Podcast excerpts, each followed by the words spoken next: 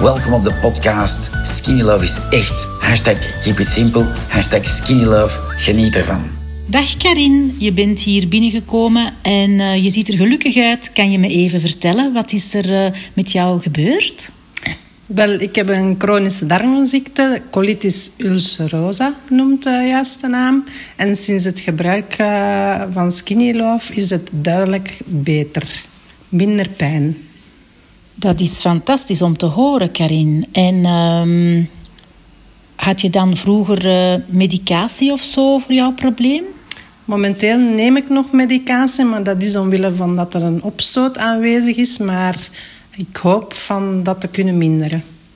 Misschien met Skinny Love ga je op lange termijn minder medicatie moeten nemen. Dat is toch wel een voordeel, vind je ook niet? Dat is een voordeel en daar uh, wil ik naartoe streven. Dus je bent er gelukkig mee met Skinny Love? Ik ben heel gelukkig met Skinny Love. Dank je, Karin. Mocht je nog een vraag hebben, met veel plezier stel ze in de Skinny Love community op Facebook. Bye bye en hashtag keep on skinny loving.